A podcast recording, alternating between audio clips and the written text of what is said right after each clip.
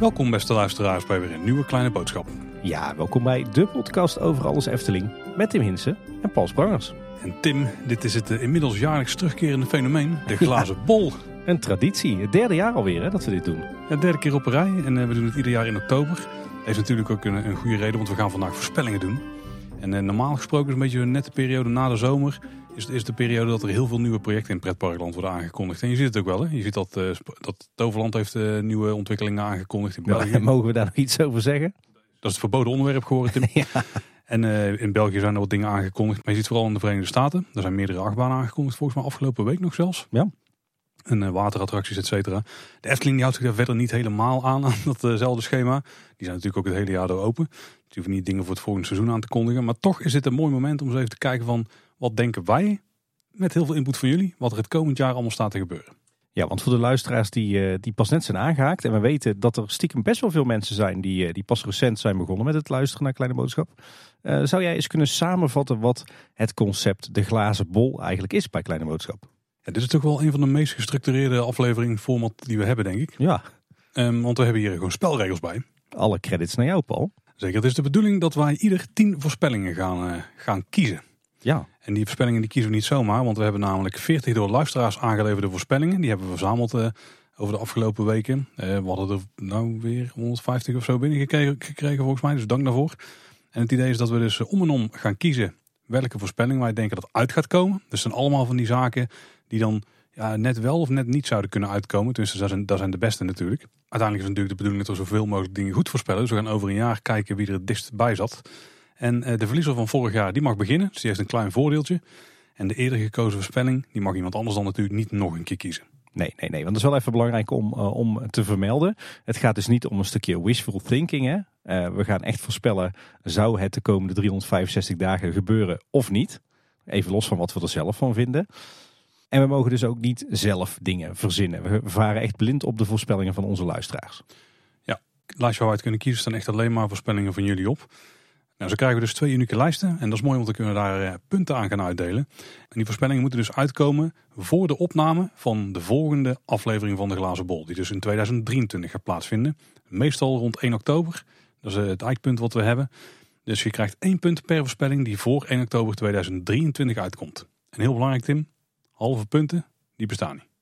Kijk, We hebben ook een, een tiebreaker vraag. Die zorgt er dus voor dat als we een gelijk aantal punten hebben, dat toch één van de twee mensen de winst in de wacht kan slepen. Dus de winnaar van vorig jaar die moet het aantal bezoeken aan de Efteling over 2022 voorspellen. En de andere die mag dan zeggen of dat het een eh, hoger of lager getal is. Spannend hè? heel spannend ja. Nou, volgend jaar om deze tijd dan nemen we uiteraard weer de volgende glazen bol aflevering op. En dan kijken wie de meeste voorspellingen goed had. Nou, in principe proberen we als echte gentlemen eruit te komen uit die scores. Maar mocht het nou echt niet lukken, dan hebben we een, een hele strenge eh, scheidsrechter. En die kan nog doorslaggevend zijn, mocht het nodig zijn. Een internationale scheidsrechter zelfs. En internationaal, dat is onze eigen milde dictator, vriend van de show Yves.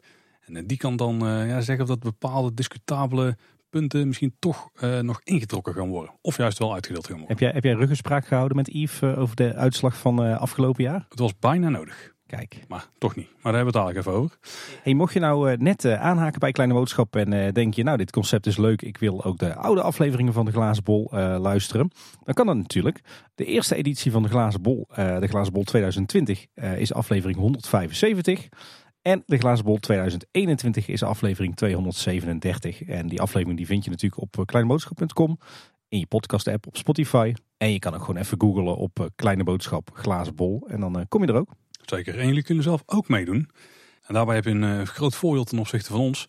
Want ja, wij hebben natuurlijk eh, de, de handicap dat wij niet elkaar stellingen kunnen kiezen. Maar jullie kunnen unieke top 10's maken uit het totaal van de 40 stellingen. Linkje om daar aan mee te doen, die vind je in de show notes. Dat is een Google Form en dan kun je gewoon selecteren welke het zijn. Ik heb ook uitgerekend eh, wie het vorig jaar het beste heeft gedaan. Daar gaan we daar naar kijken. Maar eerst gaan we eens kijken Tim, naar hoe we het zelf hebben gedaan. Spannend. En dan beginnen we met, met jouw voorspellingen. Je had er vorig jaar vijf goed trouwens, Tim. Dit jaar heb je het net iets minder goed gedaan. Je hebt er vier goed. Ah, Zullen we even er doorheen lopen? Ja. Eh, jouw voorspellingen waren de aankondiging van de uitbreiding van Strookrijken. Die gaat eh, plaatsvinden, inclusief concept art. Nou, helaas niet gelukt. De tweede fase van de wereld van Simbad is aangekondigd, inclusief concept art. ook helaas niet gelukt. Maar hier zijn er twee die goed zijn, Tim. Het waterbed in Speelbos Nest wordt vervangen permanent door iets anders. Ja, dat is inderdaad gebeurd. Dat is een vrij goede voorspelling geweest. En deze was uh, licht discutabel, maar ik heb hem jou gegeven, Tim. Er komt een nieuw zomeravondprogramma met veel entertainment. Nou, in ieder geval een nieuw zomeravondprogramma, toch? Ja, met redelijk ja. wat entertainment, ja. ja. Een niet uitgekomen voorspelling was dat er een ontbijtoptie zou komen voor resortgasten bij Bekkerij Krummel. Je kunt natuurlijk prima ontbijten, maar het is niet specifiek voor resortgasten. Wel goed, Tim. Het huisje van vrouw Holle wordt eindelijk herbouwd. Ja. Ik vond het een hele spannende, maar die is gewoon uh, gelukkig nog. Ja. ja. Uh, er komen speciale Efteling fandagen. Dat is helaas niet gebeurd. Wel gebeurd, Tim. Dit was ook een hele toffe. Bij Ezeltje Strekje verschijnt de mogelijkheid om contactloos te gaan betalen. Ja, zeker. Heel goed voorspeld met dank aan jouw vrouw volgens mij. Of er was vooral hoop daar. Uh, en nog twee uh, niet uitgekomen voorspellingen. De Efteling kondigde nog een ticket-event aan. Anders dan oud en nieuw. Was misschien vooral wishful thinking. Ja, en de, de spooknachten die telt natuurlijk niet echt mee. Nou, daar wil ik nog wel een discussie over aanvragen. Nee, ik niet, het ticket-event moet voor betaald worden. Dat was hier absoluut niet het geval. Ah, okay. Er was wel een ticket nodig. Uh, en de abonnementen die worden diverser. Dat is ook niet gebeurd. Ja, vier goed dus. Um, ja, dan is het tijd om, uh, om naar jou te gaan kijken, Paul. De vorige keer had jij er uh, drie goed. Oeh, ja, toen was ik de verliezer. Maar deze keer had je toch een, een betere vooruitziende blik. Want je had maar liefst vijf voorspellingen goed. Hoppatee. Het afgelopen jaar. Misschien was het ook het verliezersvoordeel, hè? Dat heeft meegespeeld. dat zou kunnen. Wat waren jouw voorspellingen? Nou, de aankondiging van een hotel aan het Warrelplein. Nou, die is natuurlijk goed. Kleuterhof gaat verdwijnen in verband met de reizenrijk-uitbreiding. dat is nog niet het geval. En misschien in het algemeen hadden wij ook best wel wat dingen ingezet op dat er aan de oostkant van het park iets ging ja. gebeuren. Wat gewoon totaal niet is gebeurd. Nou, daar hebben we onszelf enigszins mee in de voet geschoten. Ja, daar is de afgelopen 365 dagen ook heel vaak over gegaan in deze podcast. Een andere voorspelling van jou. Er wordt gestart met de aanleg van de zonnepanelen op vak M. Heel goed. Uh, Fons Jurgens kondigt zijn vertrek als algemeen directeur aan. Had je voorspeld. Niet gebeurd. Hij zit dit jaar weer in de lijst trouwens. Ja, en er komt een tentoonstelling in het Efteling Museum over 70 jaar Efteling. Ja. Hmm. Op een klein detail na, niet correct. Had je nou maar een museum gezegd, dan was het goed geweest. Ja, dat is wel een goeie. Ja, de, de, de magische, hoe heet dat ding, de wondertafel of zo, daar is wel wat aan geüpdate, maar dat telt allemaal niet mee natuurlijk. Nee, maar ik zat natuurlijk aan het Noord-Brabants Museum ja, te denken. ik had hem door. Ja, ja. Uh, je voorspelde, het paddenstoelenparcours is nog steeds niet aangepast. Nou, jammer, maar uh, je had daar wel de volle punten te pakken. En uh, nog een goede voorspelling. De Efteling introduceert hervulbare drinkbekers in het park. Nou, dat is natuurlijk uh, helemaal waar. Een grote attractie gaat onverwachts drie weken dicht vanwege een storing. Nou, we hebben er het afgelopen jaar een paar gehad, maar zeker de halve maan, die telt wel mee. Die heeft volgens mij vier of vijf weken stilgelegen. Dan had je ook nog voorspeld, er worden flinke aanpassingen gedaan aan het pleintje bij het kinderspoor. Ja. Nou, dat was niet het geval. Achteraf gezien een vreemde, ja. Ja, en uh, de Efteling gaat stoppen met de papieren plattegrond. Ook niet het geval. Absoluut niet het geval, nee. Maar als we dan kijken naar onze, onze scores uh, bij de Glazen Bol 2021, had ik er vier goed en jij vijf goed, Paul. Dus ik mag jou uh, feliciteren. Je had de beste vooruitziende blik over het Eftelingjaar 2021. Dankjewel Tim. En dan mocht er nou toch neer zijn gekomen die tiebreaker. Je had gezegd dat er 3,4 miljoen bezoekers zouden plaatsvinden in 2021. En dat waren er uiteindelijk 3,3.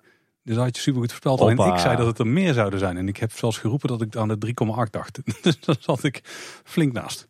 3,4 is echt heel goed. Ja. Ik moet zeggen dat me sowieso niet, uh, niet tegenval. 9 van de 20 stellingen gezamenlijk goed. Maar toch een vrij aardige blik op de toekomst van de Efteling dan. Ja, het ligt ook wel aan de input van de luisteraars natuurlijk. Ik heb het gevoel dat we dit jaar misschien iets minder punten gaan scoren. Maar dan gaan we zo aan het eind van uh, de aflevering evalueren. Misschien ook leuk dat we vooruitkijken dat we gaan kijken hoeveel we denken dat we goed gaan hebben in het komend jaar. Ja, dat is ook nog wel een leuke.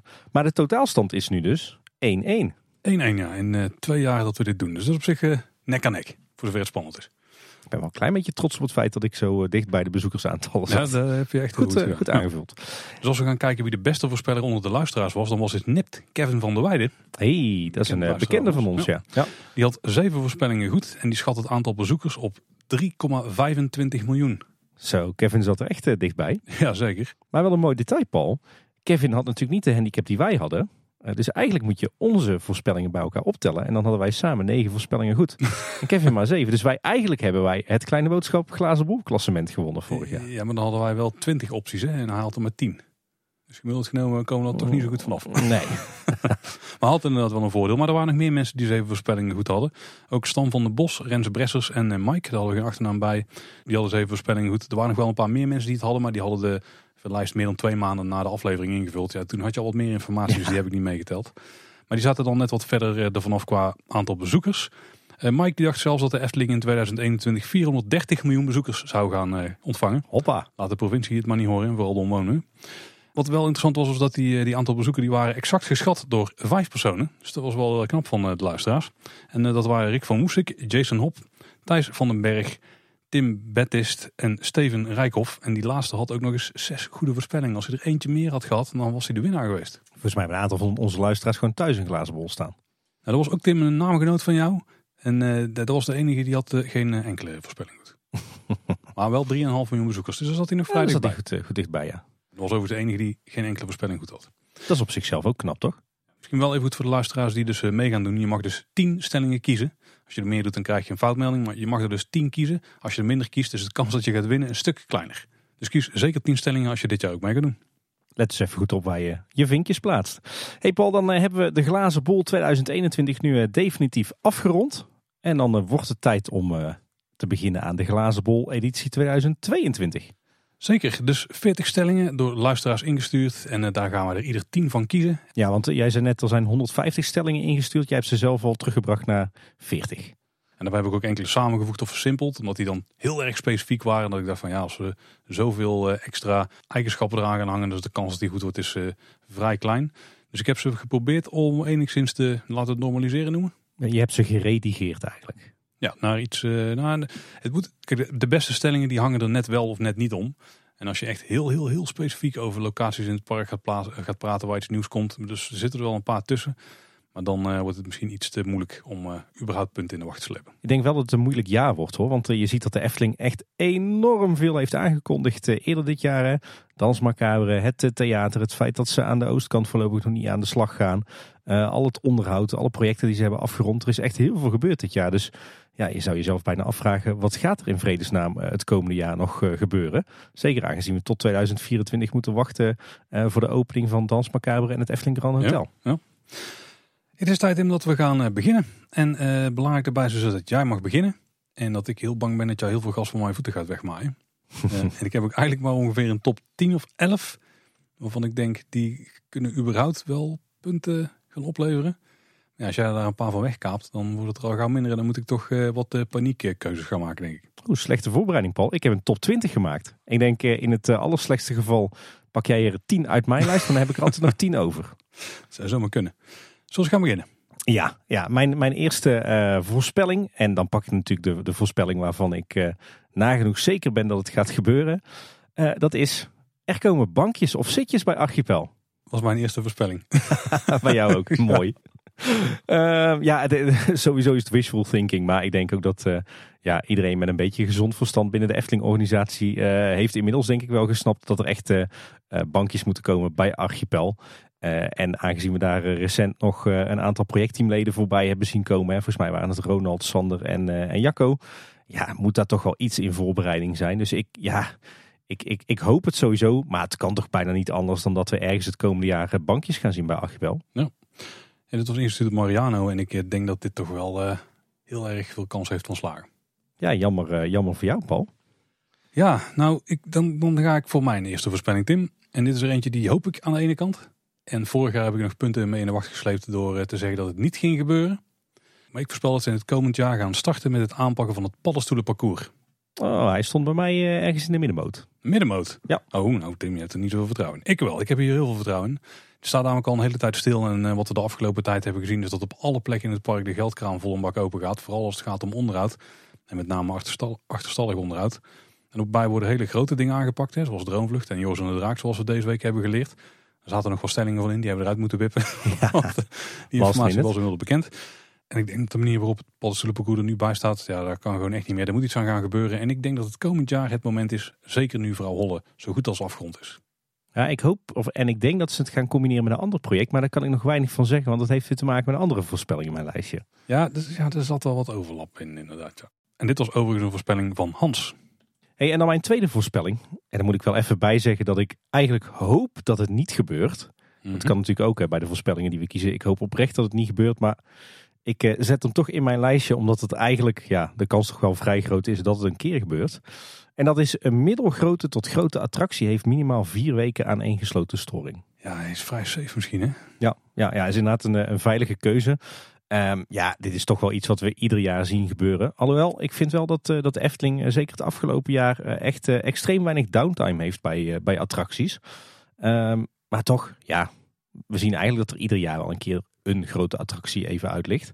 Uh, laten we het niet hopen, maar is het wel zo, dan heb ik in ieder geval uh, punten bij de glazen bol. dus dat is dan een, uh, een schrale troost.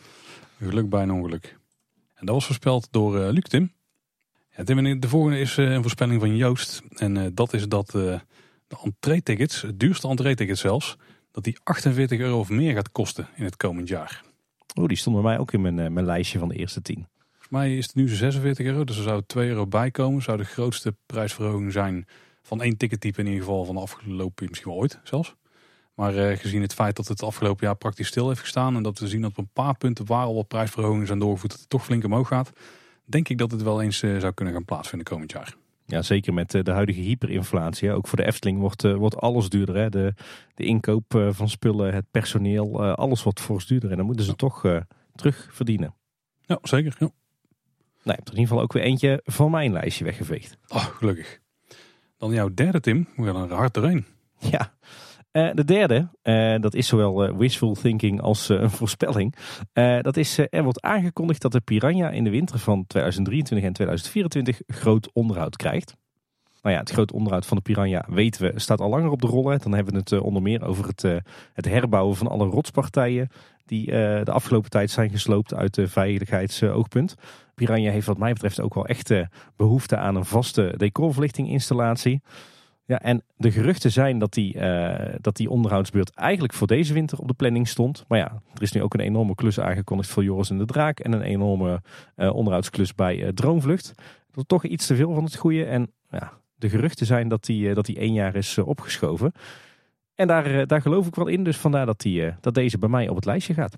Die voorspelling die was van Anton en ik heb er eentje ligt een beetje in hetzelfde straatje. Dat was, dat was een voorspelling van Bas en Bram. En dat is dat wordt aangekondigd dat Villa Volta een uh, grote opknapbeurt gaat krijgen. En dan echt eentje in de trant van uh, de Python bijna, zeg maar. Of de oude Tuffer. Dus een grondige opknapbeurt voor Villa Volta. En dan niet dat die is afgerond, maar dat die in ieder geval is aangekondigd. Daar hoop ik wel op. Alhoewel, ik hoop uh, dat ze er niet te veel aan gaan veranderen. Maar ik verwacht eerlijk gezegd dat dat uh, niet gaat gebeuren. Volgens mij uh, staat de kalender voor volgend jaar al aardig vol met investeringen en onderhoudsklussen. En ik denk niet dat deze er eentje van is. Dat maakt me ook enigszins terughoudend hierin. Maar er gingen wel wat wandelgangverhalen rond. Ik weet niet, ik, ik, ik durfde niet af te schieten. Dus ik heb hem zelfs nog vrij hoog meegenomen. Even een uh, sidestep. Wat, uh, stel dat dit inderdaad het, uh, het, geval is. Je had het over een, een opknapbeurt à la herbouw Python of de totale make-over van de oude Tufferbaan. Wat, wat hoop jij dan voor Villa Volta? Ja, ik verwacht dat ze aan één kant een gevel uithalen. Dat het hele systeem misschien zelfs wel wordt vervangen. Dus het, de hoofdshow daar, daarmee. Ik denk dat ze aan de voorshows uiteindelijk niet super veel gaan doen. Een beetje moderniseren. Misschien het iets logischer maken waar waar Hugo zit. En misschien de, de eerste voorshow wel wat attractiever maken. Misschien er zelfs wel één grote ruimte van maken. In ieder geval dat soort zaken. En de wachtrijen hopelijk wat uh, plussen. Oh ja. Nou, ik denk dat ik al, uh, al tevreden zou zijn met uh, een flinke op de opknapbeurt voor het decor van, van de hoofdshow. Gewoon echt even lekker oppoetsen en daar waar er beschadigingen zijn, die verhelpen. Misschien meer taligheid in de voorshows inbouwen op de een of andere manier. Dat is een voorspelling, die mag je nog kiezen, Tim. Ja, precies. En natuurlijk de hele besturing van de hoofdshow opnieuw programmeren. Hè, zodat uh, beweging, muziek en licht eindelijk weer synchroon lopen, net als in de beginjaren. Nou, ik denk dat daar dus het groot onderhoud voor een deel ook voor nodig is, omdat het denk ik technisch gewoon niet meer kan. Ja, het ligt volgens mij aan de besturing van de huidige hydro-unit, hè, dat het niet meer synchroon loopt. Nou, ik denk niet per se de besturing al zich is, maar dat gewoon uh, er wat onderdelen versleten zijn, waardoor er wat speling op het systeem zit, om het zo maar te noemen. Dus dat zal altijd in de praktijk niet helemaal zijn. Waardoor je, als je zegt tegen het systeem, we gaan nu die kant op draaien, dat er altijd net niet helemaal op de manier gaat zoals je, of in ieder geval net niet zo voorspelbaar gaat als je wil. Waardoor die eh, synchroniteit eruit is, als synchroniteit een woord is. Ja, nou, ik had begrepen dat het wel een klein beetje zo zit. Volgens mij zit het erin dat uh, de hydro-unit die er nu in zit, hè, ik zeg wel hydro-unit, maar dat is een hydrauliek-unit. Hè, de, de, de schommel waar je op zit wordt met, uh, met hydrauliek aangestuurd.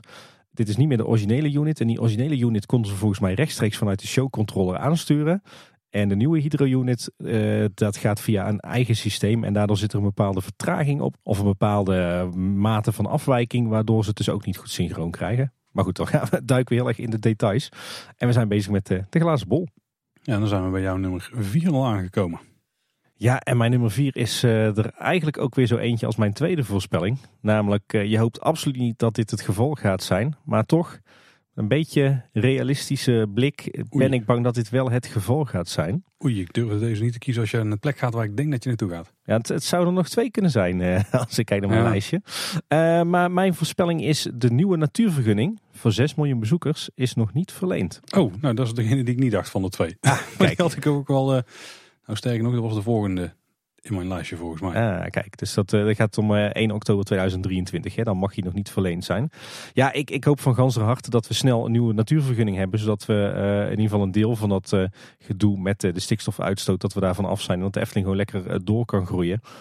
Maar heel eerlijk, als ik zie wat er de afgelopen maanden allemaal eh, gezegd is rond stikstofuitstoot en Natura 2000 gebieden. Hè, dat, eh, dat eh, rapport vanuit de VN dat eh, de stikstofuitstoot 70% omlaag moet eh, rond Natura 2000 gebieden. Eh, het feit dat er nog steeds geen duidelijkheid is over die Arius berekeningen. Die berekening die je maakt over de stikstofuitstoot en het effect daarvan op natuurgebieden. Al die zaken die nog bij de Raad van State lopen en maar niet verder komen als het gaat om stikstof. De ophef over die 5 miljoen bezoekers versus eh, 5 miljoen bezoeken. De provincie die een winstwaarschuwing heeft gegeven dat, er, dat ze de plannen nog niet concreet hebben op 1 juli 2023. Ja, weet je, dat zijn wat mij betreft zoveel signalen dat ik echt totaal niet verwacht dat, eh, dat we volgend jaar een nieuwe natuurvergunning hebben bij de Efteling. Helaas. Ja, nee, ik eh, had hem ook op mijn lijstje staan. Ja, ik, ik zit niet zo diep in als jij in, maar eh, ik voel dit gewoon aan mijn water. Maar ik hoop dat, het, dat je dit punt niet gaat krijgen. Nee, precies. En die voorspelling die kregen we binnen via Willem. En mijn voorspelling die kwam van, eh, de, ja, van de luisteraar met eh, de nickname Rattenvanger. Geen idee wie het is. Ik denk dat hij uit Hamelen komt. Ja, nou, daarvan moet ik ook wel, ja. Dat is onze Duitse vriend. Of het is Pardoes. Dat is natuurlijk ook een soort rattenvanger. Oeh, goed punt. Ja. Een rattenvanger. Precies. Ja, dit is een, eh, een vreemde, maar ik durf hem gewoon niet, niet te noemen. Ehm, want we weten natuurlijk dat in 2024 eh, grootste dingen staan te gebeuren in de wereld van de Efteling. Dan gaat er een nieuw hotel open en dan gaat er een nieuwe grote attractie open. En daarom voeg ik deze in, want we hebben voor volgend jaar eigenlijk nog niks. En mijn voorspelling is, Tim, dat er een, eh, een nieuwe infill wordt aangekondigd. Serieus? Ja. Nee. Ja, ja, ja, ja. Wishful thinking, voor een deel. Ligt eraan. Hè? Je moet niet naar, eh, naar bijgelegen parken kijken hoe die het aanpakken.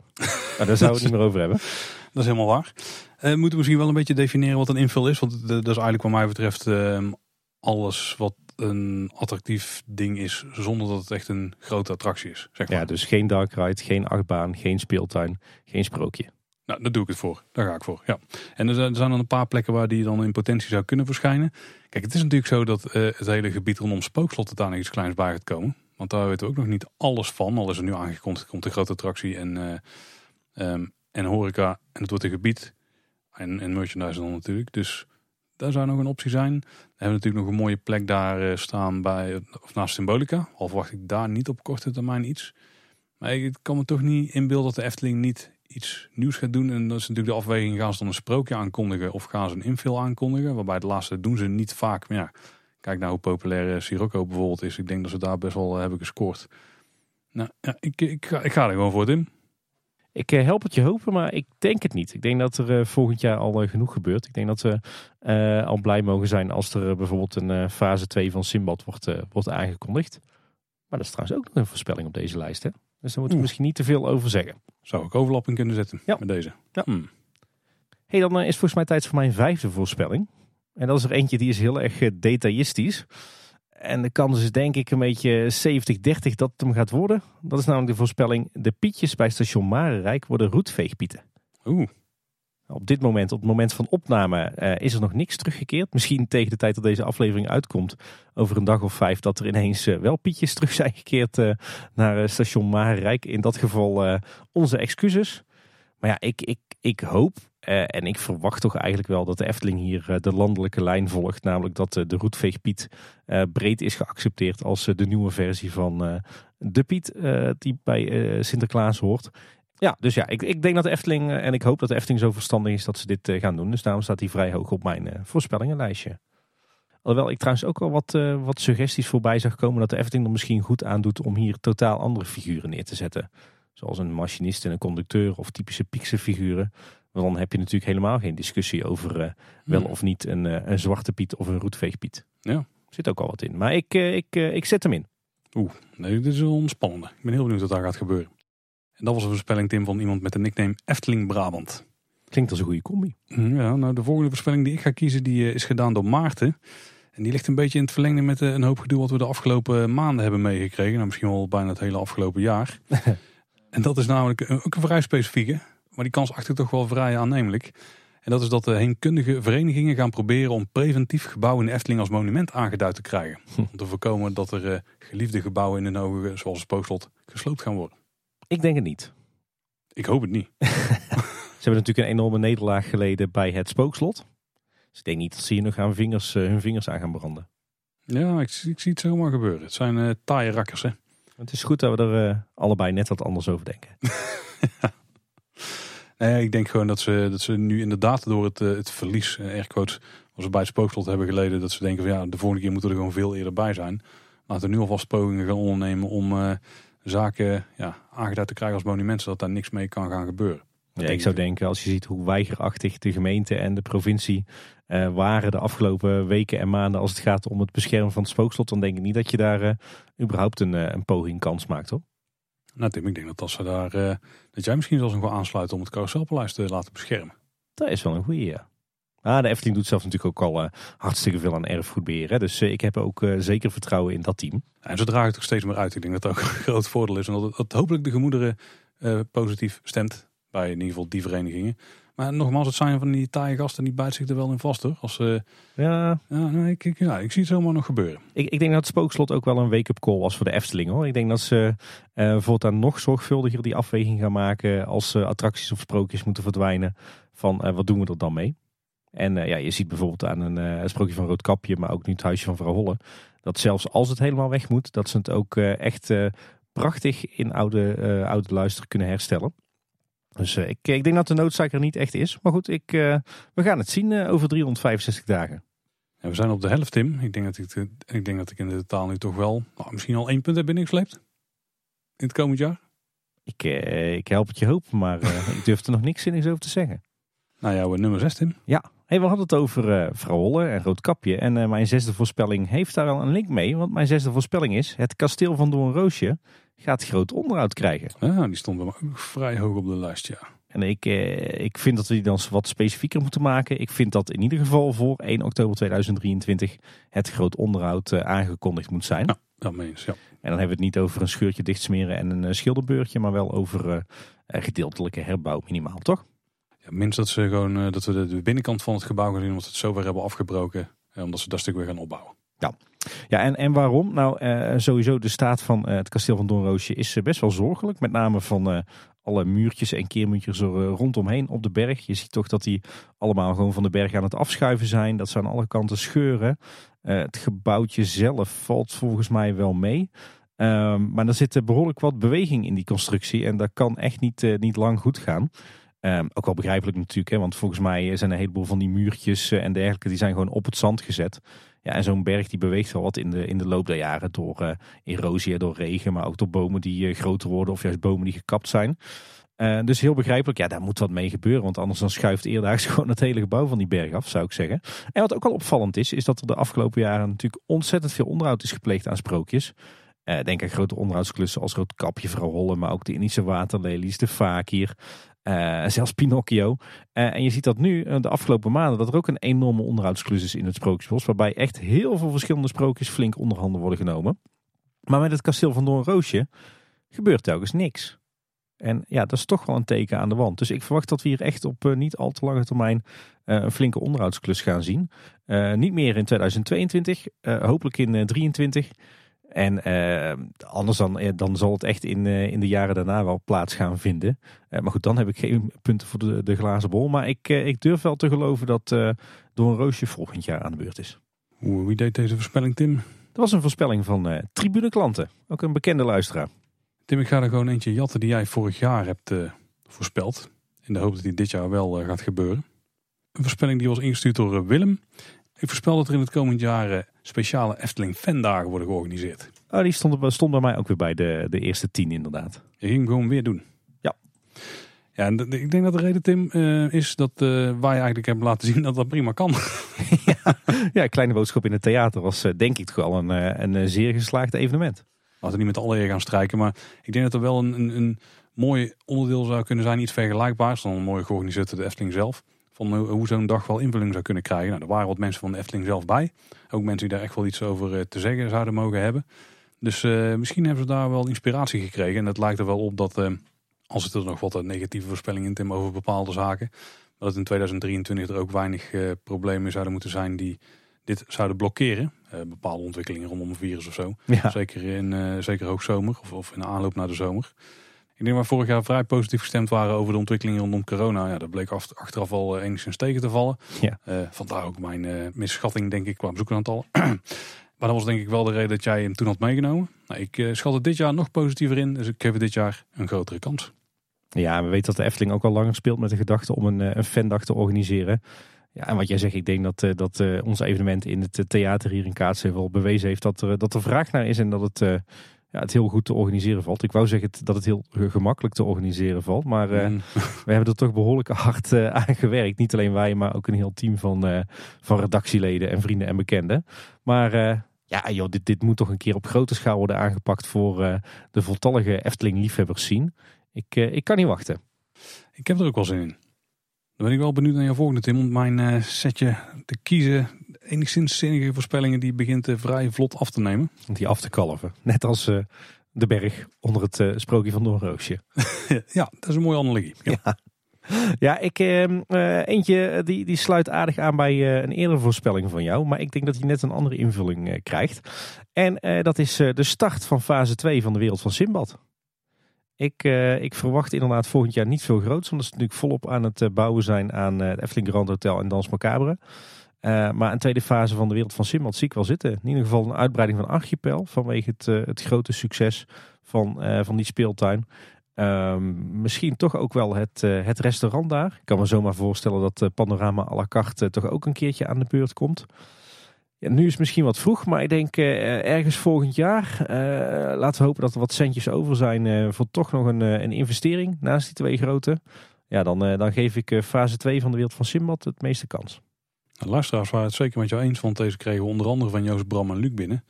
Populaire voorspelling. Is het ook al voldoende als archipel wordt uitgebreid?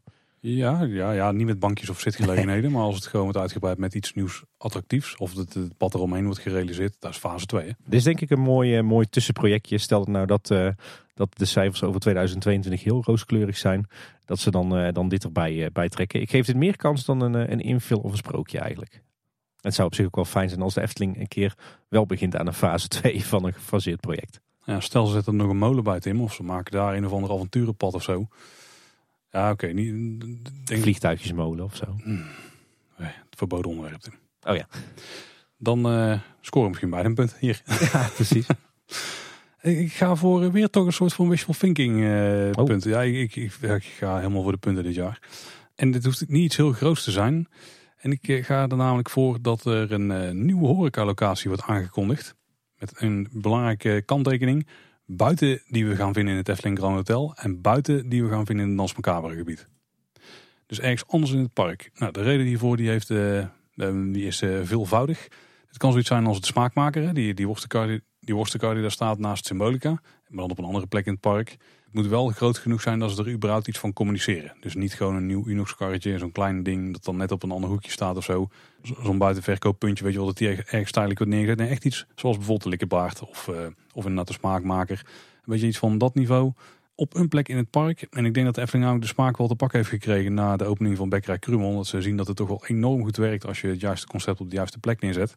Ik hoop dat ze met Dans van Cabres ook iets gaan doen. Maar ik vermoed dat ze misschien nog wel iets anders uh, op dat gebied gaan, uh, gaan doen moet zeggen, met jouw argumentatie had hij bij mij ook wel op de lijst kunnen komen. Mooi. Uh, daarom heb je ook niet weggepikt natuurlijk voor mij. Nou, ik, ik had dus die argumentatie gewoon nog niet, Paul. Nou, er waren ook wel een aantal mensen die met mij eens hoor. Want deze voorspelling die hebben onder andere gekregen van Chris, Mariano en Luc. Volgens mij hadden ze wel allemaal vrij specifieke locaties waar dan een horecapunt zou moeten komen. Dus ik heb die wel versimpeld. Maar ik denk dat, uh, dat dit wel uh, enige kans van slagen heeft. Ja, Paul, dan mijn achtste voorspelling. En uh, die sluit eigenlijk redelijk aan op uh, een van jouw voorspellingen. Alleen deze was wat meer specifiek.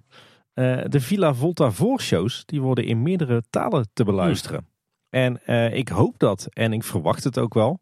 Ja, we weten natuurlijk al jarenlang dat grote frustratie bij anderstalige bezoekers is dat ze heel veel vertellingen in de Efteling niet kunnen volgen. Bijvoorbeeld bij Villa Volta of in het Sprookjesbos. En uh, volgens mij uh, hebben wij in onze aflevering Kleine Boodschap in het Theater hier ook over gesproken met Jonas Rietbergen. waarbij volgens mij toch wel het idee was om iets te gaan doen met de Efteling-app en je oortjes in. En een soort Shazam-achtige app waarmee dat jouw telefoon kan oppikken waar de vertelling zit. En dan de vertelling kan starten in de andere taal. Ja, ik zie dit helemaal zitten. En volgens mij is dit ook wel een van de, de prioriteiten als je het hebt over, over gebruik van de app en smartphone gebruik. En hiermee kan je gewoon de beleving van buitenlandse bezoekers echt een heel eind vera uh, veraangenamen. Ik zou ook willen dat dit eh, in heel veel parken in de landen om ons heen zou bestaan. En ja, ik, ik vind het best wel reëel om te denken dat het, het data science team van de Efteling hier al aan, aan het werk is. Dus moet volgens mij ook niet heel veel kosten. Ik denk dat het, het inspreken ervan misschien nog wel het duurste is.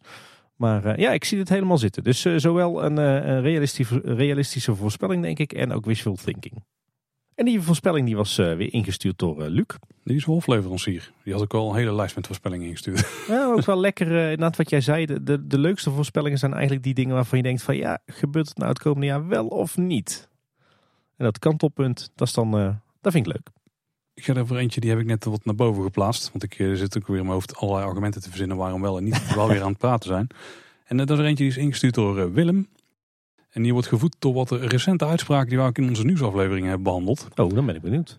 Namelijk dat er eh, nog een themagebiedsontwikkelingproject aangekondigd wordt. Dus vergelijkbaar met de wereld van Simbad. En dan ook weer buiten Dans Macabre gebied.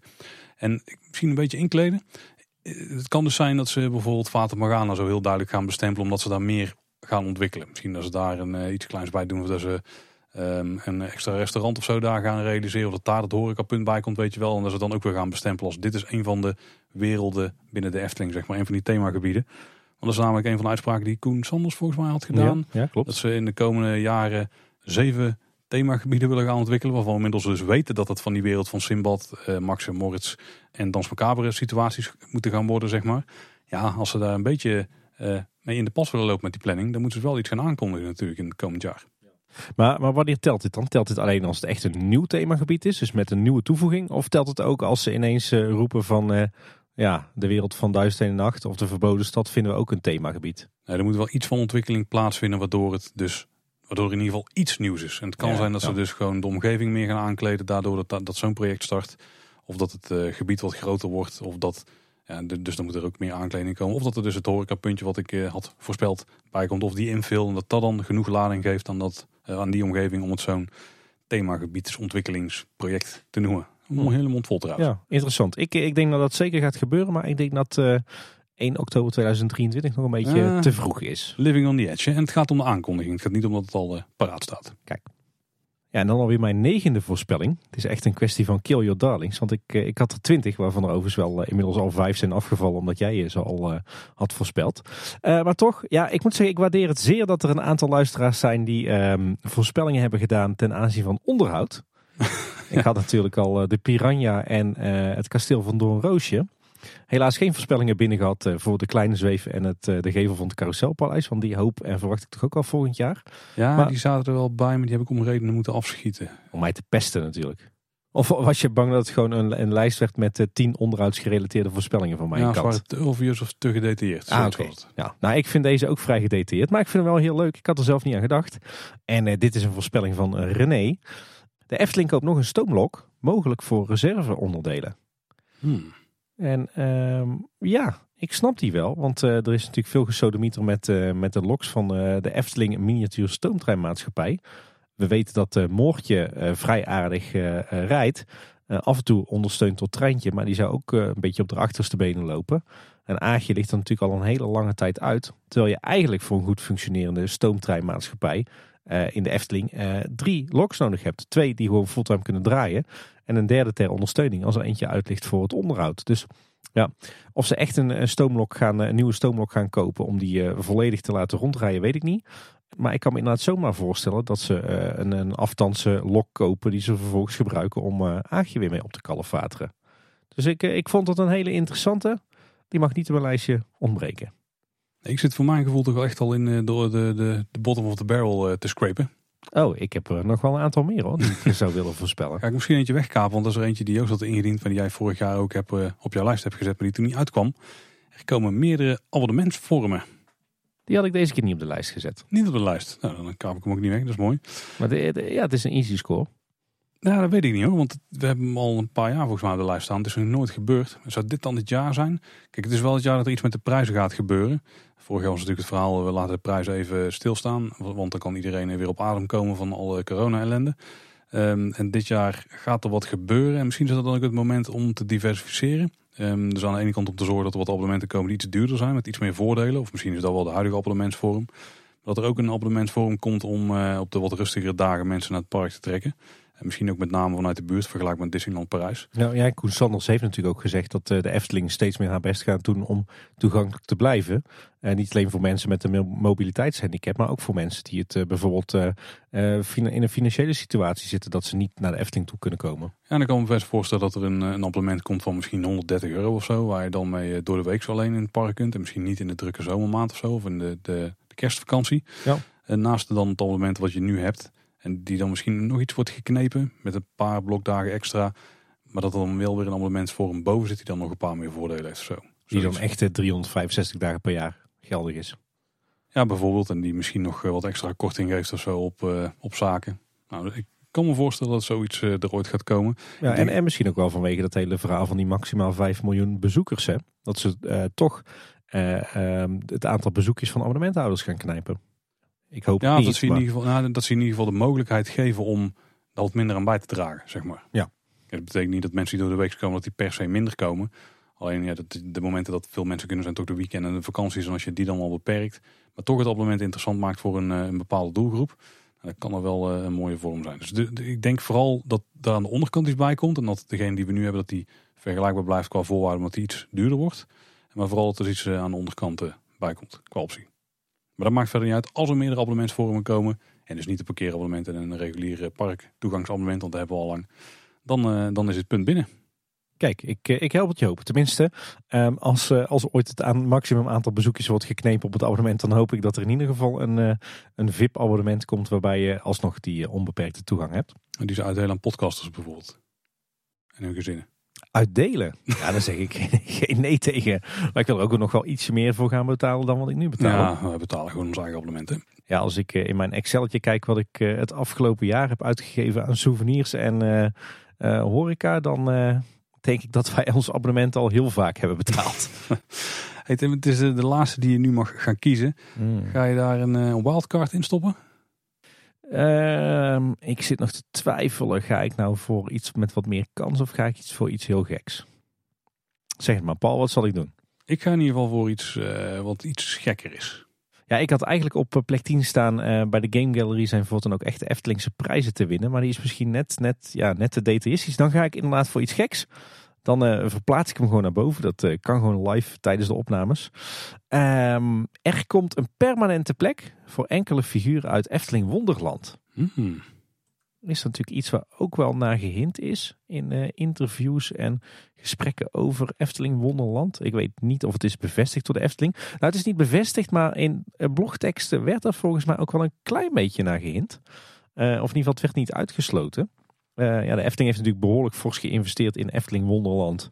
Uh, en, en een deel van Efteling Wonderland viel wel in de smaak. Zeker uh, de, de wat permanentere decorstukken, denk ik. Dus ja, ik weet nog niet hoe. Maar misschien dat we inderdaad toch nog wel wat figuren uit Efteling Wonderland terug gaan zien. In bijvoorbeeld het Sprookjesbos. En luisteraar Bob, die denkt er ook zo over. Permanent moeten we dan misschien even definiëren in dit geval. Krijgen ze een, een tafereeltje of Wordt er een podiumpje gebouwd, net als het prieltje van een sprookjesprokkelaar of zo, dat het op die manier terugkomt? Of? Ik denk, uh, ik geef de meeste kans een, een tafereeltje. Dat misschien dus ergens op de achtergrond ergens te zien is of zo. Ja, dus er hangt een fysiek decorstuk ergens, wordt geplaatst in het park, waar ze dan aan vasthangen. Ja. Oké, okay, daar, daar, daar, kan ik wel mee. Oké. Doe eens gek. Nou, ik zal misschien nog eens gekkers doen. Want al denk ik dat we dit element wel eh, gaan zien verschijnen in ieder geval de komende twee jaar. Of dat ja. 2023 Misschien al te snel is, weet ik niet. Dan weet ik precies wat jij gaat voorspellen. En luisteraar Hans die is hier met mij eens, uh, Tim. Er verschijnt in het park een nieuw bordje. Aangeraden wordt te passen op uw beurzen en uw tassen. Ja, ik verwacht die wel in Dans Macabre, maar die Ja. natuurlijk pas in 2024. Ja, nou, ik heb hier een heel licht klein stukje beredenering achter en dat is vrij zwak. Maar wat, wat we zien is dat er eh, echt weer heel veel wordt teruggegrepen op het verleden in eh, eigenlijk alle recente ontwikkelingen. En dat ze op sommige plekken ook kleine plusjes aan het toevoegen zijn op... eh, en dat ze bordjes aan het vervangen zijn. Er lijkt wel een soort van bordenstorm door het park te gaan. Waarbij heel veel wordt vervangen en vernieuwd en verbeterd. En misschien dat er wel ergens iemand denkt van... Nou, ik heb nog een uurtje of wat over. En er is zo'n beetje materiaal. Ik maak eens weer zo'n chic bordje. Die laat ik gewoon bij onze Devo-afdeling eh, in elkaar zetten. En dan hebben we weer een mooie toevoeging op een plek waar het heel erg, op, eh, waar het heel erg gepast is. Dat is natuurlijk wel de vraag waar ze er dan kunnen zijn. Hmm. Dans Macabre is wel vrij zeker dat hij daar in een wachtrij gaat verschijnen. Het is donker. Absoluut. Ja. Ja, in 2023 al. Nou, het zou zomaar kunnen ergens misschien een sprookjesbos niet helemaal gepast misschien. Daar hangen er stiekem al een heleboel, hè? Ja. Nou, ik weet het eigenlijk ook niet. Maar het was te mooi om hem eh, niet mee te nemen. Villa Volta is ook donker. Daar hangt hij nog niet. Oh, en als we daar dan toch eh, gaan klussen. Oeh, dat is een goeie. Ja. Nou, hier. Dubbele punten bij Villa Volta. als we daar iets gaan aankondigen. Oh, Tim. Ja, we hebben allebei onze tien voorspellingen gedaan, hè? Zullen we ze nog even nalopen voor de geschiedschrijving? Jij mag beginnen, Tim. Dus eh, herhaal maar eens eh, jouw lijstje. Ja, we doen het even onwillekeurig op volgorde. Mijn lijstje was de start van fase 2 van de wereld van Simbad. De pietjes bij station Marenrijk worden roetveegpieten. Er komt een permanente plek voor enkele figuren uit Efteling Wonderland. Er komen bankjes of zitjes bij Archipel. Oh, punten. De Villa Volta voorshows zijn in meerdere talen te beleven. Een middelgrote tot grote attractie heeft minimaal vier weken aan één gesloten storing. Het kasteel van Doornroosje gaat groot onderhoud krijgen. Eh, De Efteling koopt een nieuwe stoomlok, mogelijk voor reserveonderdelen. De nieuwe natuurvergunning voor 6 miljoen bezoekers is nog niet verleend. En er wordt aangekondigd dat de Piranha in de winter van 2023-2024 groot onderhoud krijgt. Vrij specifiek die laatste trouwens. Mijn eh, lijstje van 10 is het duurste entree-ticket wat op dit moment dus Reuses gaat 48 euro of meer kosten. Het kan ook zijn dat er een nieuw ticketvorm bij komt. Er komen meerdere abonnementsvormen. Het aanpakken van het paddenstoelparcours gaat starten. Laten we het hopen. Er wordt aangekondigd dat Villa Volta de volgende attracties die een grote opknapbeurt krijgt. Er verschijnt een nieuw bordje aangeraden wordt te passen op uw beurs en uw tassen in het park. Er wordt een aankondiging gedaan van een nieuwe horecalocatie, dus buiten het Efteling Grand Hotel en het Dans Macabre gebied. Er wordt een nieuw invul aangekondigd. Oh, ik hoop het zo enorm. Er wordt nog een themagebiedsontwikkelingproject aangekondigd, vergelijkbaar met de wereld van Simbad. Maar dat, daarbij telt ook weer niet het Dans Macabre gebied uiteraard. De heemkundige verenigingen die gaan er proberen om preventief wat meer gebouwen in de Efteling als een monument aangeduid te krijgen om ze te redden voor in de toekomst. En er komen speciale Efteling fandagen. Ah, twee mooie lijstjes, eh, Paul. Hey, moeten we nog even eh, voorspellen hoeveel eh, voorspellingen dat we verwachten goed te hebben volgend jaar? Nou, ik ben zeer, zeer beperkt in mijn voorspelling. Ik denk dat ik drie punten ga scoren. Ah, ik ga voor vijf. Voor vijf weer? Gebaseerd op de ervaringen in het verleden, denk ik helft goed. Jawel. Vier, vijf. Ja, ja, ja. Ik vond het moeilijk dit jaar, dus ik ben wat ja, minder positief over het, punt, aantal punten wat ik heb binnenhaal. Maar als ik die eerste had gehad van jou, die, eh, van die bankjes in de wereld van Simbad. Ja. Hey, en eh, stel dat we nou eh, allebei evenveel voorspellingen goed hebben geraden. Dan hebben we de tiebreaker nodig, hè? ja, en dat is natuurlijk het voorspellen van het aantal bezoeken in 2022. Ja, daar zeg je wel iets bijzonders. Want hoe gaan we dit in vredesnaam doen? Want de Efteling heeft de afgelopen jaar natuurlijk telkens het aantal bezoeken gecommuniceerd. Ik denk dat we daar inmiddels ook wel een soort eh, vingerspitsengevoel voor hebben ontwikkeld. Hè? In ieder geval jij, want jij was er echt dichtbij vorig jaar. Maar wat nou als de Efteling ervoor kiest om voortaan bezoekers te communiceren? Dan gaan er eh, een aantal eh, ton bezoekers vanaf. Nou, we gaan uit van bezoeken. Maar stel dat ze die niet bekendmaken, dan moet het toch terugvallen op het enige wat we wel weten. En dan zijn het dus bezoekers. Of er moet in het jaarverslag ergens in een kle- klein regeltje staan hoeveel bezoeken het zijn. Ja, als we getallen gaan vergelijken met het jaar daarvoor, dan ja, misschien dat ze het wel doen, maar dat inderdaad. Dus we gaan uit van bezoeken. Als er nou blijkt dat ze voortaan bezoekers gaan communiceren, dan is dat wat we volgend jaar gaan voorspellen. Maar op dit moment moeten we even uitgaan van bezoeken met dan waarschijnlijk zo'n kanttekening. En het aantal bezoekers was dan bla bla bla volgens deze rekenmethode, want eh, anders worden allemaal mensen boos. Ja, en mocht je nou denken, waar hebben ze het in vredesnaam over met hun bezoekers en hun bezoeken? Ja, luister dan eh, de afgelopen 300 afleveringen terug. of, of de vorige nieuwsaflevering. Daarbij Ja. leggen we het eh, vrij goed uit, denk ik. Even resume afgelopen jaar. De Efteling was dicht op 1 januari. Want ik moet gaan zeggen hoeveel bezoeken er zijn eh, geweest afgelopen jaar. Ja, ik wou natuurlijk alleen maar, maar hoger of lager zeggen. Nou, ik denk dat hij daar uh, heel goed uh, mee wegkomt. En ik kan nog wel zo gedokterd op een exact aantal. Die heb je nog steeds nodig. Daarop moet je hoger of lager baseren ja, ja. natuurlijk. Want Efteling was natuurlijk begin van het jaar dicht. Uh, op 1 januari. En toen is het weer heropend op 26 januari. Dus eigenlijk hebben we maar 3,5 week gemist aan, aan bezoeken dit jaar. Nou was er een voorspelling op de lijst, maar daar komen daar nog even bij, dat de Efteling weer dicht zou gaan vanwege corona. Nou denk ik dat dat niet zo gaat zijn. Hij heeft lange tijd bij mij tussen mijn voorspellingen gestaan. Ook al hoop ik het niet. Maar van de week hadden we natuurlijk het nieuws dat, uh, dat de recreatiesector heel erg stuurt op het gebruik van de corona-check-app. Dus liever weer gaan werken met QR-codes dan helemaal dicht.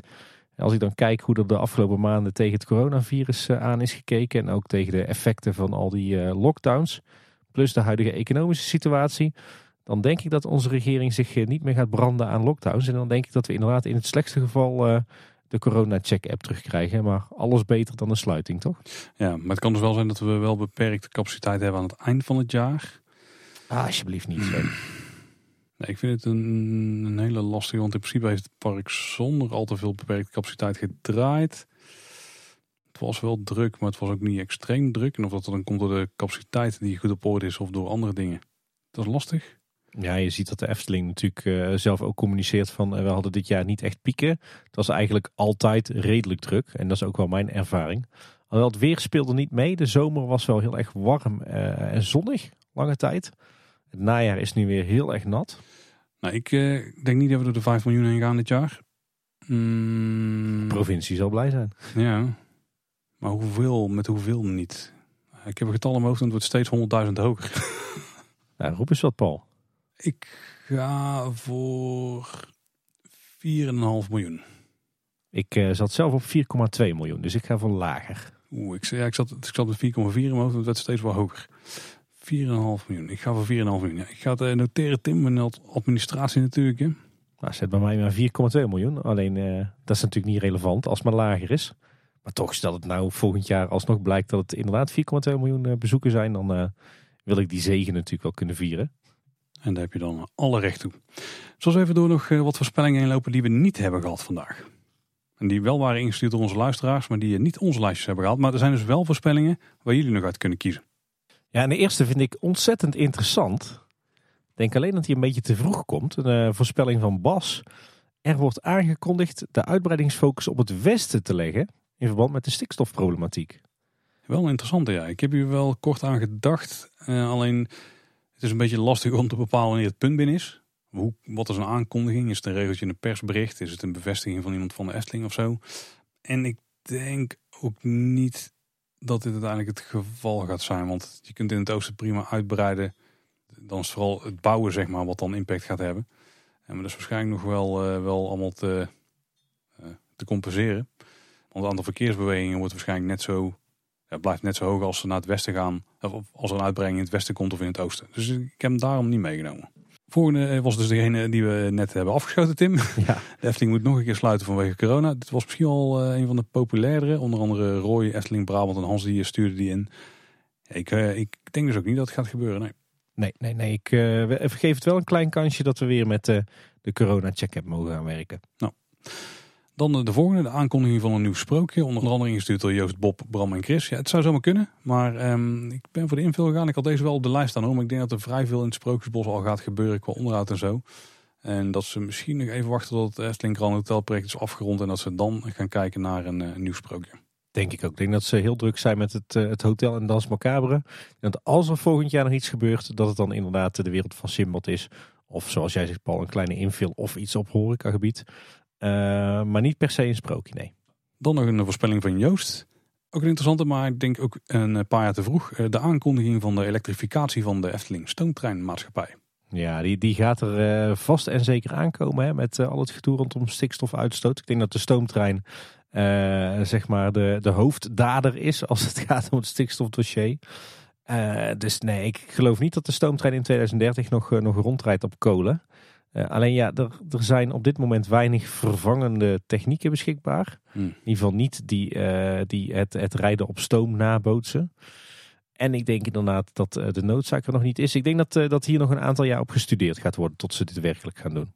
Waar in ieder geval niet op gestudeerd hoeft te worden is de voorspelling van Efteling Brabant. Deze vond ik vrij negatief, maar het zou zomaar kunnen. Door stormschade ontstaat grote schade aan een sprookje in het Sprookjesbos. Is vrij specifiek ook. Ja, hij was nog specifieker, dus ik heb hem al wat afgewacht. maar uh, laten we vooral hopen van niet. Nee, nee, en ik denk ook, we hebben natuurlijk uh, behoorlijk wat heftige stormen gehad in de Efteling de laatste jaren. En uh, telkens eigenlijk zonder echt serieuze schade. Meestal wat, wat omgevallen bomen en dat is het wel. nee, ik vond hem net, net iets te specifiek om in mijn lijstje op te nemen. En dan een, hele rij voorspellingen van Bob. Je hebt er al meer van hem horen langskomen. Het droomvlucht ritssysteem krijgt een upgrade waardoor het zweefeffect beter wordt. Deze sowieso heel lastig om hard te krijgen. Tenzij het in een eh, blogbericht of zo uh, duidelijk gemeld zou moeten worden. Of ze aandacht aan besteden aan een making-of of in een making-of of net wat dan ook. Dat zou zo maar kunnen, maar lastig te bewijzen zeg maar. Nee, ik verwacht het niet. Weet je, als, als je echt iets wil gaan doen aan dat effect. Ja, dan zou je totaal nieuwe uh, voertuigen moeten aanbrengen. Nou, dat is zo'n enorme investering. Ik zie ze dat echt niet doen. En zeker niet het komende jaar. Nou, er, er, ligt wel een flink budget volgens mij voor het droomvlucht uh, onderhoud. En als ze maar die piepende banden al weg weten te halen, dan zou het al geslaagd zijn wat mij betreft. Is het zweefeffect dan ook al beter?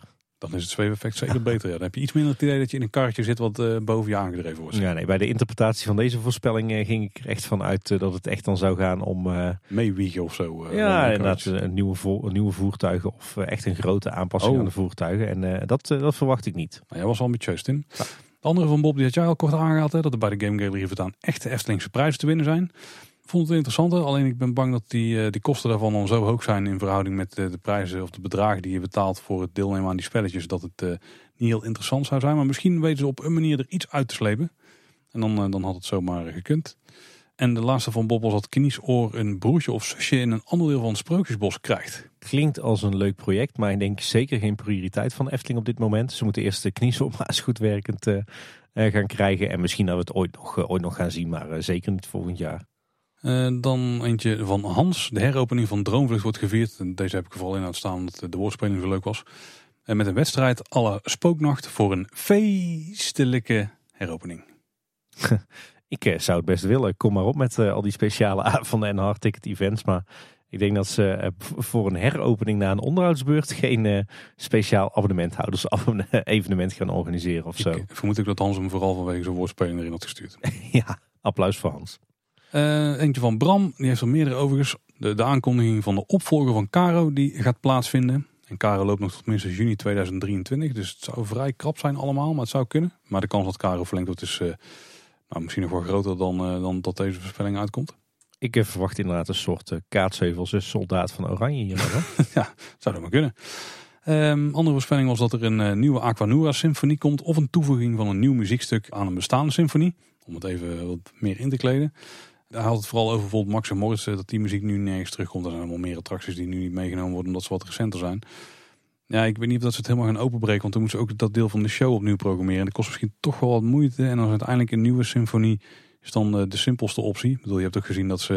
Je hebt ook gezien dat ze de tweede symfonie gewoon de hele tijd niet hebben gedraaid. Omdat daar een uh, discutabel muziekstuk in zat qua rechten. En dan was dat de oplossing. Gewoon niet draaien in plaats van daarin iets uh, vervangen. En als ze toen al de moeite niet hebben genomen. Al die het natuurlijk wel al wat processen om dat te fixen. Dan denk ik ook niet dat ze zomaar toevoegingen gaan doen. Dus een, een nieuwe is dan wat meer kansrijk. Maar ook daar zie ik ze niet zomaar het geld in investeren de komende jaren. Ja, er zal allicht ergens de komende tien jaar een nieuwe Aquanura Symfonie komen. Dat, uh, dat geloof ik zeker, maar uh, absoluut niet volgend jaar. Dit heeft echt nul prioriteit voor de Efteling. De komende tien jaar, daar is wel een hele grote glazen bot in. ja, kunnen ook een keer doen als variant. Als variant, nou ik denk dat we al druk zat hebben.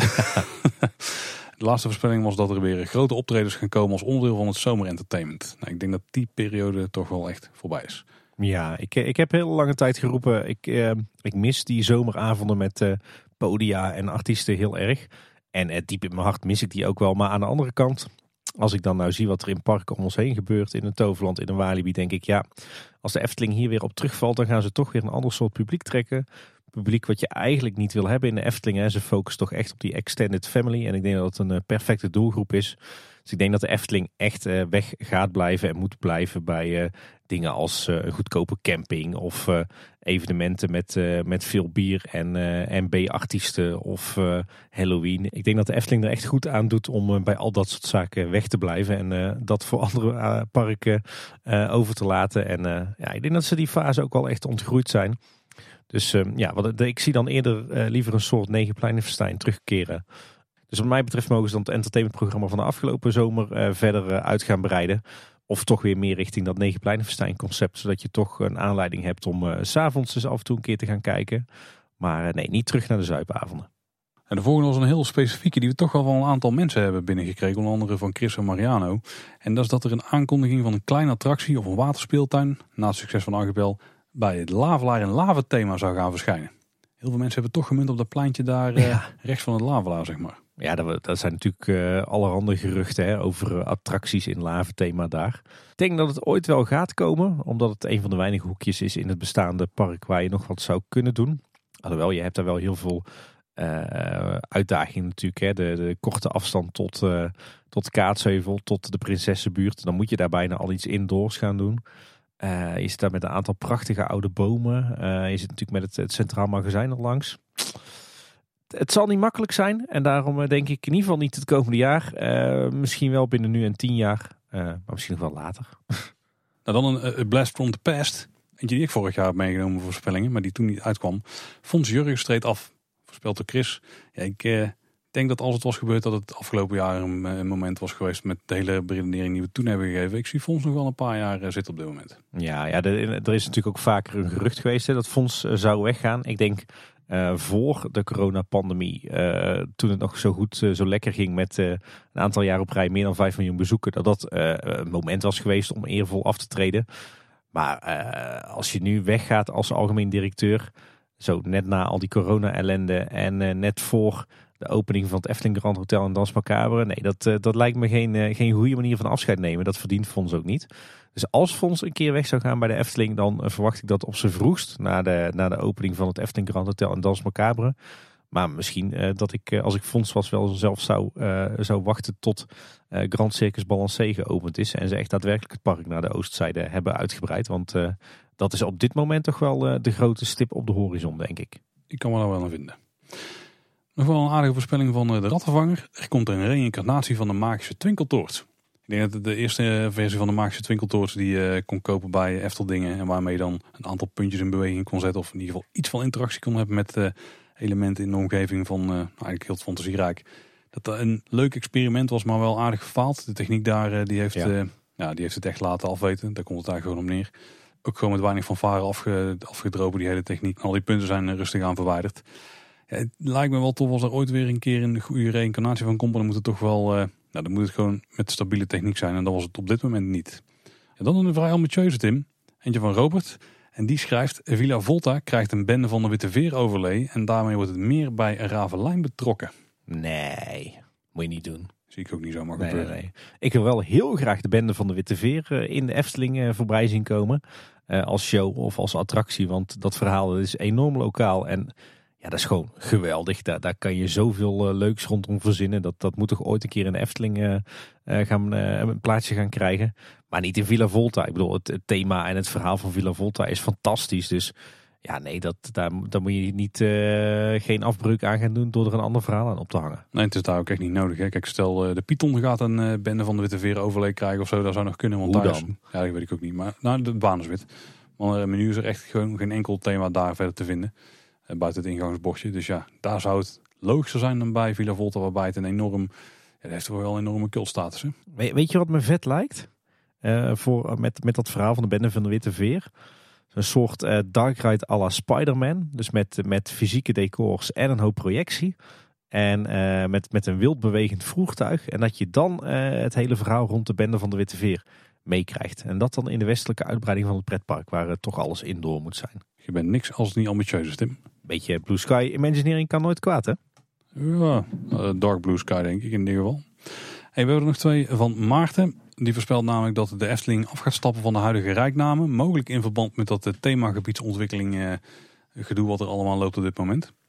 Ik zie dat niet zomaar gebeuren. Nee, volgens mij eh, heeft de Efteling laatst ook wel laten weten dat ze, dat ze gewoon eh, vasthouden aan die rijknamen. Ook al weten ze dat er niet altijd veel van klopt. Je, moet toch ergens op kunnen navigeren, toch? Ja, en misschien dat het de, de dagjesbezoeker niet superveel zegt. Maar het is ook gewoon binnen de organisatie wel uh, een hele makkelijke manier van communiceren. En ik denk dat als je, het, als je het echt gaat opdelen in die themagebieden, dan krijg je echt zo'n enorme lappendeken en dan wordt navigeren echt enorm moeilijk in het park. Dan een uh, voorspelling van Wiro. En die had hier een hele uiteenzetting bij Tim. Die had als voorspelling dat we ontdekken dat Floor Jansen een muzikaal plaatje krijgt in de Efteling dankzij Dans Macabre. Oeh, dat zou heel vet zijn, toch? En uh, die had hier echt een enorm lange theorie voor. Maar misschien moet je trouwens eerst even vertellen wie Floor is. ja, ja, Floor is natuurlijk uh, een van onze Nederlandse metal helden, hè? Speelde voorheen in After Forever. Ze komt trouwens oorspronkelijk uit, uh, uit. Dus dat staat mij natuurlijk na aan het hart als Goorlense ambtenaar. En ze speelt inmiddels al een, een, heel aantal jaren in Nightwish. De, de Finse metalband. Symphonic metal. Ze hebben ook ooit een, een album uitgegeven. Wat een beetje het kermis of attractiepark thema heeft. En ja, hele, hele toffe muziek. Ik kan daar graag naar luisteren. En volgens mij wel meer luisteraars van Kleine Boodschap. En uh, ze woont ook in Zweden. Dus ja, dit is, dit is gewoon echt een 10 punten score natuurlijk. hè, op de schaal van Tim Winsen. En uh, Floor Jansen was ooit in de, in de race voor een plekje in de Vliegende Hollander. Want zij heeft namelijk alle zang- en stempartijen voor de Vliegende Hollander ingesproken. Maar uiteindelijk ging het, het platenlabel moeilijk doen. En toen, ja, eigenlijk vlak voordat dat het allemaal werd geïnstalleerd, moest het opnieuw. Ja, en inmiddels is natuurlijk de stem van de Efteling is Anneke van Giersbergen. Onder andere bekend van de, de band The Gathering. En die heeft een beetje vergelijkbare stemmen. Dus wat dat betreft zou het mij om het even zijn. Maar ik vind het een, een heel specifieke voorspelling. En het zou zomaar kunnen gaan kloppen. Ik denk als het, als het niet wordt, dan gaan we zeker Anneke van Giersbergen weer horen in Dans Macabre. Nou, dat op Viro die had hier dus echt een hele uiteenzetting bij. Die ga ik toch wel even snel doornemen. Hij zegt inderdaad dat het management veranderd is. Dus het management toen die samenwerking tegenhield, die, daar zit ze nu niet meer bij. Dus dat biedt al een opening. Nou, ze is Efteling-liefhebber, of in ieder geval op, op zijn minst oppervlakkig fan. Want tijdens het laatste bezoek dan postte daar ook over op Twitter. Ook heeft ze een Eftelingse bijdrage geleverd aan een van de Nightwish shows, The Greatest Show on Earth. Daarbij heeft ze de paddenstoelenmenuet toegevoegd. Dat kan je ook zien in een filmpje. Ze is ook recent in Nederland geweest en heeft daar uh, onder andere vocal recordings gemaakt. Hij kon niet helemaal achterhalen waar. Um, qua muzikale sfeer zou Dans van en Floor goed bij elkaar passen. En tot slot, dit is misschien nog wel het belangrijkste, Floor en René zijn geen onbekenden van elkaar. Zij zegt 1 plus 1 plus 1 plus 1 plus 1 is 100%, toch? Ja, dat is wel een hele goede redenatie van, eh, van Wiro. Het enige wat het, wat het tegenspreekt, denk ik, is dat ze dus eh, de, de, de zangeres is van Nightwish. Toch een uh, grote internationale band. Dus ik geef Anneke van Giersbergen meer kans. Nou is het wel zo dat hij zelf al een flinke kanttekening plaatst. En, uh, hij heeft al geschreven dat we, on, ik heb er al van gemaakt, dat we ontdekken dat Floor Jansen een muzikaal plaatsje gaat krijgen. Maar ik denk niet dat we dat dan in het komend jaar al gaan horen, als het al zo zou zijn. Dat de muziekaankondiging met wat later allemaal plaatsvindt. Nog eh, twee te gaan, Tim. En die zijn beide van Parkhopper. Uh, de eerste is dat de eerste stappen tot het verplaatsen van het hek aan de oostkant worden ondernomen. De vergunning wordt aangevraagd of er vindt daadwerkelijk grondwerk plaats. Dus uh, interessant, alleen die spreekt, wordt wel tegengesproken door de natuurvergunning niet verleend wordt. Ja, heel lange tijd gaf ik dit wel, wel een kansje. Maar de Efteling heeft natuurlijk recent aangegeven, volgens mij in een interview in het Brabants Dagblad, dat ze echt niet aan de oostzijde gaan uitbreiden tot daadwerkelijk die natuurvergunning rond is. Dus dat ja, zie ik nog niet gebeuren het komende jaar. Het is natuurlijk niet helemaal wat hij schrijft, want het gaat om het verplaatsen van het hek. Dus niet per se dat daar al uh, ook echt uitbreidingen plaatsvinden met nieuwe attracties en dat soort zaken. Maar wel dat ze het gebied alvast gaan betrekken bij het park. Ik, ik geloof er niks van, want ze, ze kunnen het nu echt perfect gebruiken als personeelsparkeerterrein, als bouwterrein, als gronddepot. Waar gebruiken ze dan wel niet meer voor. Ja, maar dan staat het binnen permanente hekken. Nu is het maar een beetje van die bouwhekken en zo. Ja, maar dan hoort het binnen die park. Nee, ik, eh, ik verwacht het niet. Ik uh, wacht het ook niet aan, heb ik niet gekozen, maar ik hoop het wel. En uh, de laatste was, was vooral heel erg veel wishful thinking, denk ik. En dat is dat de boegbeelden terugkeren in de Vliegende Hollander. Moet ergens de komende tien jaar ook wel gaan gebeuren, toch? Komende tien jaar? Ja. Nou ja, ja ik hoop het, ik hoop het. En dan waren ze, Tim. De 20 voorspellingen die wij hebben gekozen, plus de 20 niet gekozen voorspellingen. Dat zijn de voorspellingen waar onze luisteraars zelf uit kunnen gaan kiezen. Als je naar kleineboodschap.com slash de glazen bol gaat, dan kun je daar jouw voorspellingen indienen. En uh, wie weet word je volgend jaar wel genoemd als een van de beste voorspellers van onze luisteraarsgroep. Ja, en het wordt natuurlijk weer spannend wie van ons twee de beste en meest realistische visie heeft op uh, de toekomst van de Efteling. Gevoegd door jullie voorspellingen. En dat horen we dan weer rond 1 oktober 2023. Ja, we kunnen hem alvast weer gaan plannen, Tim. Ja, de planning loopt nog net niet tot oktober 2023 door. Ik geloof uh, dat we nu al afleveringen gepland hebben in april 2023, maar dan hangen, houdt het wel een beetje op. Ik ben in ieder geval heel benieuwd en uh, ik hoop dat vooral onze positieve voorspellingen uit gaan komen. En dat al die negatieve dingen gewoon uh, helemaal niet gaan gebeuren. Zou gunstig zijn voor de puntentelling trouwens. Voor jou ja. Voor mij ja. hey Paul, dan is de administratie rond hè? Jazeker. En nogmaals, de voorspellingslijstjes die kun je gewoon indienen via het eh, formulier waar we daarvoor hebben gemaakt. Maar heb je nou andere vragen aan ons of wil je gewoon iets aan ons kwijt, dan kan dat op verschillende manieren. Op eh, kleineboodschap.com slash volgen vind je alle social media kanalen waar wij bijvoorbeeld te volgen zijn. En waar je dus ook vragen kunt stellen, vaak via direct messages of gewoon door mentions. We hebben ook een contactformuliertje, die vind je op kleineboodschap.com. Dat is ook de site waar je alle afleveringen kunt luisteren. En daar staan dus ook show notes bij de afleveringen. En in dit geval linken we ook even naar de vorige glazen bol aflevering. En natuurlijk het formuliertje waar je zelf jouw voorspellingen kunt indienen. Ja, en eh, je kan ze natuurlijk ook gewoon mailen. Dat kan naar info.kleineboodschap.com. En je luistert Kleine Boodschap in je favoriete podcast app of op Spotify. Zorg er dan voor dat je je abonneert op Kleine Boodschap. En eh, je kan onze afleveringen ook gewoon op de website luisteren. En eh, dat is inderdaad kleineboodschap.com. En bij sommige platformen kun je ook een rating achterlaten. Kunnen we altijd enorm waarderen. Geeft ook andere mensen de bevestiging dat dit blijkbaar een podcast is die de moeite is om naar te luisteren. Dus de ratings zijn nu vrij positief, Tim. Laten we daar alsjeblieft zo houden. Ja, daar hebben we zelf in handen, toch? Dat is ook zeker waar. Het is uiteindelijk nog toffer voor ons als je mond-to-mond reclame maakt voor Kleine Boodschap. Want ja, hoe meer mensen weten van het bestaan van de podcast, hoe meer uh, luisteraars wij uh, krijgen met allen. Dat was in ieder geval weer voor deze week. Bedankt voor het luisteren. Tot de volgende keer. En houdoe. Houdoe waar.